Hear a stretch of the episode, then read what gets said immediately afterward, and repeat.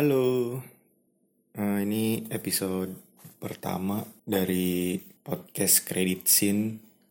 Ya jadi gue di sini mau ngenalin dulu podcast Credit Scene itu podcast yang bahas tentang film, film-film yang lagi gue tonton aja gitu. Di setiap harinya mungkin nanti gue bakalan ya bahasanya tuh sedikit mereview lah ya. Walaupun bukan review juga sih, cuman ngebahas film yang gue tonton dari perspektif gue aja. By the way, sebelumnya gue Dirga, gue suka banget nonton film. Hampir ya mungkin seminggu tuh bisa empat kali, tiga kali gitu. Dalam seminggu, kalau lagi ada waktu luang aja, kalau lagi ada waktu kosong. Kayak gue bikin podcast credit scene pengen apa ya sekedar sharing aja tentang film-film yang gue tonton gitu. Nanti juga di podcast ini gue bakalan share juga tentang hal-hal yang ada sangkut pautnya tentang film juga. Seminggu sekali ya mungkin gue bakalan share tentang film-film apa aja yang gue tonton. Terus gue sekedar sharing film itu dari perspektif gue ya kan. Mungkin untuk perkenalannya cukup segitu aja kali ya langsung aja. Uh, di episode pertama ini gue pengen bahas tentang film yang salah satu jadi film favorit gue gitu. Sepanjang masa sih mungkin. Salah satu film dengan tema superhero. Tapi yang menurut gue ini film ini walaupun temanya superhero tapi nggak superhero superhero banget gitu. Yang masih bisa mencakup semua hal sih menurut gue. Uh, gue suka banget sama film ini. Dan beberapa kali lah gue tonton ulang gitu saking gue sukanya. Ya film filmnya itu The Dark Knight. Film trilogi dari Christopher Nolan. Film kedua ini kedua dari trilogi The Dark Knight. Yang pertama itu Batman Begins kedua ini The Dark Knight nah ketiganya itu The Dark Knight Rises. Filmnya itu dirilis tahun 2018 18 Juli tepat itu di Amerika Serikat dirilisnya. 18 Juli 2008 2008 deh bukan 2018 ini film Batman yang menurut gue tuh manusiawi banget sih. Maksudnya Batman itu superhero tapi di film ini seakan-akan dibuat lebih humanis gitu. Maksudnya ya Batman boleh superhero tapi dia juga punya sisi-sisi manusia yang seperti kita manusia biasa pada umumnya gitu. Dia sedih juga, dia pusing juga dengan keadaan kota Gotham gitu di film itu. Yang menarik dari film ini adalah Christopher Nolan itu walaupun tetap melihat atau mengambil ide dari komik-komiknya dan film-filmnya terdahulu Batman gitu. Tapi dia di film ini tuh dibikin ya sesuai dengan kemauannya dia aja gitu skripnya dia jadi nggak nggak apa ya istilahnya berpegang teguh sama film-film Batman atau komik-komik Batman gitu. Nah yang lebih menariknya lagi adalah kenapa film ini tuh ya menurut beberapa orang yang gue kenal gitu dan gue lihat-lihat juga review di internet atau di YouTube. Memang yang menjadi daya pikat di film ini itu villainnya itu yaitu Joker yang diperanin oleh Heath Ledger gitu. Sebelum gue masuk ke genre filmnya, emang sosok Joker di film ini tuh menurut gue sampai sekarang masih the best pemeran Joker itu ya Heath Ledger gitu. Walaupun film Joker terakhir yang keluar yang diperanin sama Joaquin Phoenix itu menurut gue juga bagus dan dia meranin Joker dengan sangat luar biasa juga. Tapi menurut gue pribadi, gue masih megang Heath Ledger gitu sebagai pemeran Joker yang terbaik lah yang yang sudah difilmkan dan memang menjadi daya pikat juga kenapa orang suka film The Dark Knight ini gitu. Oh, film The Dark Knight ini berlatar belakang di Gotham yang lagi carut marut lah istilahnya dengan korupsinya, mafianya dan segala macem. Ini by the way nyambung dari film pertama juga sih sebenarnya.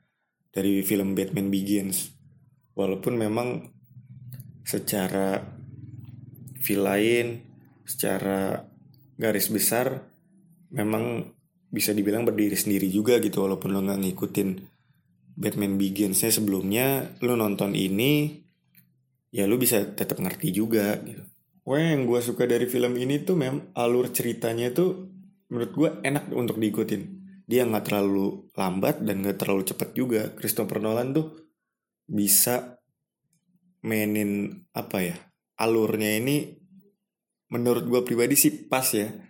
Nggak ada kalau yang gue lihat dan gue rasakan gitu nggak ada alur-alur yang lambat yang bikin bosen yang bikin lu kayak bisa nonton sambil main HP gitu menurut gue ini tuh film yang emang enak untuk disimak untuk diikutin karena emang gak lambat dan gak terlalu cepat juga.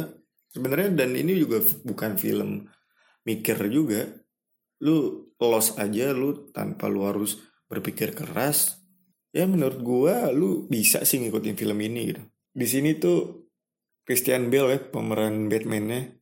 Untuk seorang Christian Bale memerankan Batman menurut gue cukup berhasil sih cukup bagus gitu sisi-sisi Bruce Wayne itu adalah beberapa bagian yang didapat gitu. Walaupun mungkin menurut gue Batman versi Christian Bale ini pertama lebih humanis juga kedua yang mungkin agak sedikit kurang ya menurut gue tuh uh, sosok yang misalnya lu ngikutin Batman dari dulu atau baca komiknya juga agak terlihat kurang gahar aja sih menurut gue dengan tampang Christian Bale yang ya walaupun dia sebelum-sebelumnya juga pernah main film-film yang badass gitu kayak American Psycho atau the apa ya? Gue agak lupa sih Christian Bale. Cuma ya mungkin menurut gue pribadi aja sih itu kekurangannya kayaknya Bruce Wayne agak kurang gahar aja gitu di sini. Yang kita kenal ya walaupun emang Bruce Wayne tuh bukan yang badannya bagus atau kayak gimana cuman kayak kelihatannya kurang gahar aja tapi dia untuk sosok Bruce Wayne sosok Batman di film ini tuh ya udah cukup bagus sih buat gue film ini tuh uh, sebenarnya poinnya ya sama sih kayak film-film Batman yang sebelumnya gitu tentang kota Gotham yang carut marut banyak korupsi segala macem ada villain dan segala macem. Nah Batman lagi mencoba untuk membuat kota ini tuh ya terlihat lebih lebih apa ya lebih indah lah gitu. Nggak nggak nggak murah nggak apa walaupun memang itu tema Gotham tema film eh tema kota Gotham tuh memang seperti itu gitu.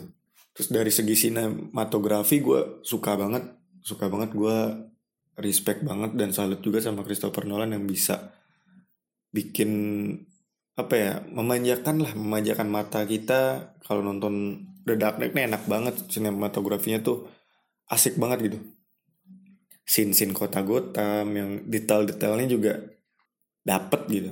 Dan yang paling the best di film ini ya balik lagi yang tadi gue bilang pertama sosok villain si Jokernya ini yang diperanin sama Heath Ledger gitu.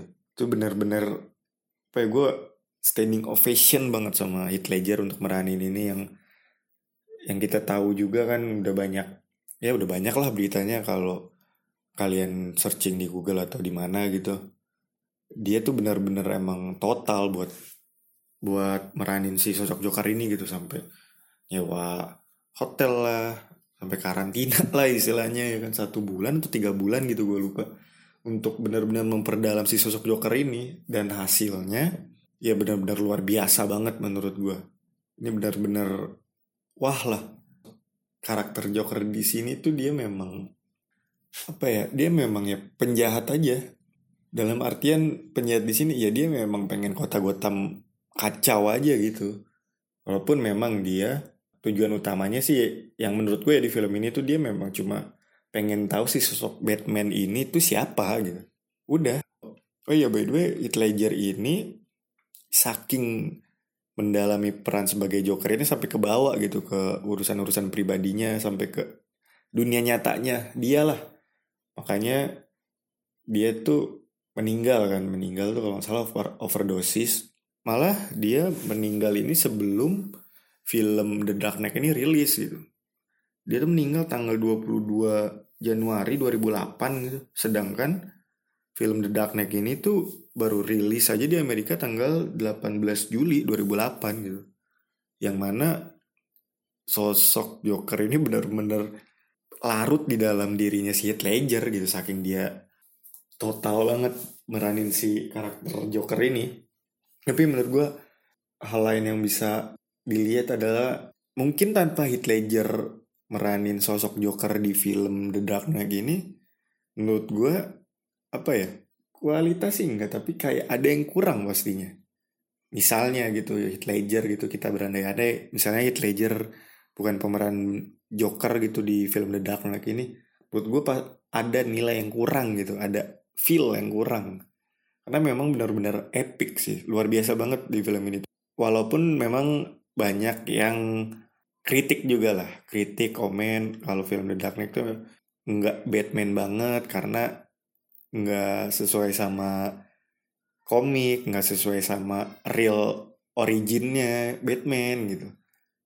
Tapi menurut gue pribadi di sini Christopher Nolan berhasil gitu buat bikin film Batman yang versi dia tapi tetap ada di jalurnya sih menurut gue dengan sosok Joker yang ada di The Dark Knight ini yang beda banget dari sosok Joker yang ada di komik atau film-film sebelumnya yang kalau menurut gue juga jauh banget sih. Mungkin memang ada beberapa hal yang kayak kegilaannya dia terus psikonya dia itu masih ada di film tapi sosok Joker di film The Dark Knight ini tuh benar-benar menurut gue sih sempurna lah. Sosok Joker yang memang ya Joker seperti ini gitu. Joker itu yang seperti ada di film The Dark Knight ini walaupun ya balik lagi ke perspektif orang-orang kan. Dan itu sah-sah aja kalau ada komen beda atau ada yang suka dan segala macem. Tapi balik lagi sosok Joker di film The Dark Knight ini the best sih buat gue the best banget Heath Ledger berhasil banget Christopher Nolan juga berhasil dengan menunjuk Heath Ledger sebagai film Joker Terus di sini juga ada villain lain juga sebenarnya, yaitu Harvey Dent ya Two Face. Dia diperanin sama Aaron Eckhart, tuh oke okay juga. Oke dari segi sinematografi tadi gue bilang bagus, enak banget manjain mata. Dari segi alur cerita nggak lambat, nggak panjang, nggak apa ya? Filmnya emang panjang lumayan. Tapi kalau lu baru pertama kali nonton, ya itu ngikutinnya enak, enak banget menurut gue. Terus karakter-karakternya juga di sini aktingnya luar biasa gitu. Dari Morgan Freeman yang yang screen time-nya nggak terlalu banyak tapi kalau ada screen time dia tuh dapet lah dia. Terus kayak si Michael Caine screen time-nya nggak banyak tapi ya di adegan dia itu ya dia lepas gitu. Pokoknya The Dark ini uh, masih jadi salah satu film dengan tema superhero yang menurut gue kalau diurutin gitu ya dari perspektif gue ya masih nomor satu sih dari segala banyak film tema superhero yang ada karena di film ini walaupun actionnya nggak terlalu banyak ya. Maksudnya kan kita taunya sebagai film superhero terus Batman pula kan actionnya tuh banyak. Banyak banget adegan berantemnya dan segala macam. Tapi di sini tuh memang nggak terlalu banyak sih. Tapi pas di tempat ini tuh pas gitu.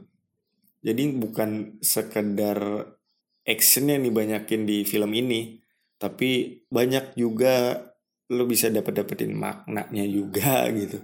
Dan yang kita tahu kan di internet juga banyak tuh quotes quotes dari si Joker dan sosok si Joker sendiri gitu. Malah mungkin ya kebanyakan orang nonton film The Dark Knight itu karena si Joker ini gitu. Suka karena si Joker ini yang ada di film The Dark Knight ini. Nah, memang seluar biasa itu sosok si Joker ini di film The Dark Knight gitu. Ya standing ovation lah buat Heath Ledger. Dan itu menjadi alasan gue kenapa gue bisa suka gitu sama film ini. Ya karena si karakter Jokernya ini yang bener-bener wah chaos deh dia. Makanya dibilang situ kan agent of chaos gitu.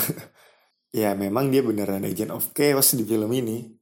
Mungkin itu sih yang dari perspektif gue tentang film ini gitu ya pokoknya film ini tuh gue nggak bilang wajib tapi kalau lu mau nonton layak banget gitu. Dan nggak bakalan buang waktu lu sih menurut gue lu nonton film ini gitu. Kadang-kadang kan ada orang yang antar ah, gue udah nonton jelek lagi filmnya. Ini gue bisa apa ya yakin lah lu minimal lu enak lah nontonnya. Nggak perlu sampai suka nggak perlu sampai ngefans banget. Pokoknya lu nonton film ini enak enak dalam artian ya yang tadi gue bilang sinematografinya terus alurnya pemeran-pemerannya dalam filmnya itu. Ini salah satu film yang oke okay banget terus juga di IMDb juga. Dia ini masih salah satu film superhero dengan rating tertinggi nih. Bukan film secara general ya tapi dengan tema superhero ini dia masih peringkat satu di IMDb ya correct me if I'm wrong lah ya. Tapi gue pribadi sih suka sama film ini.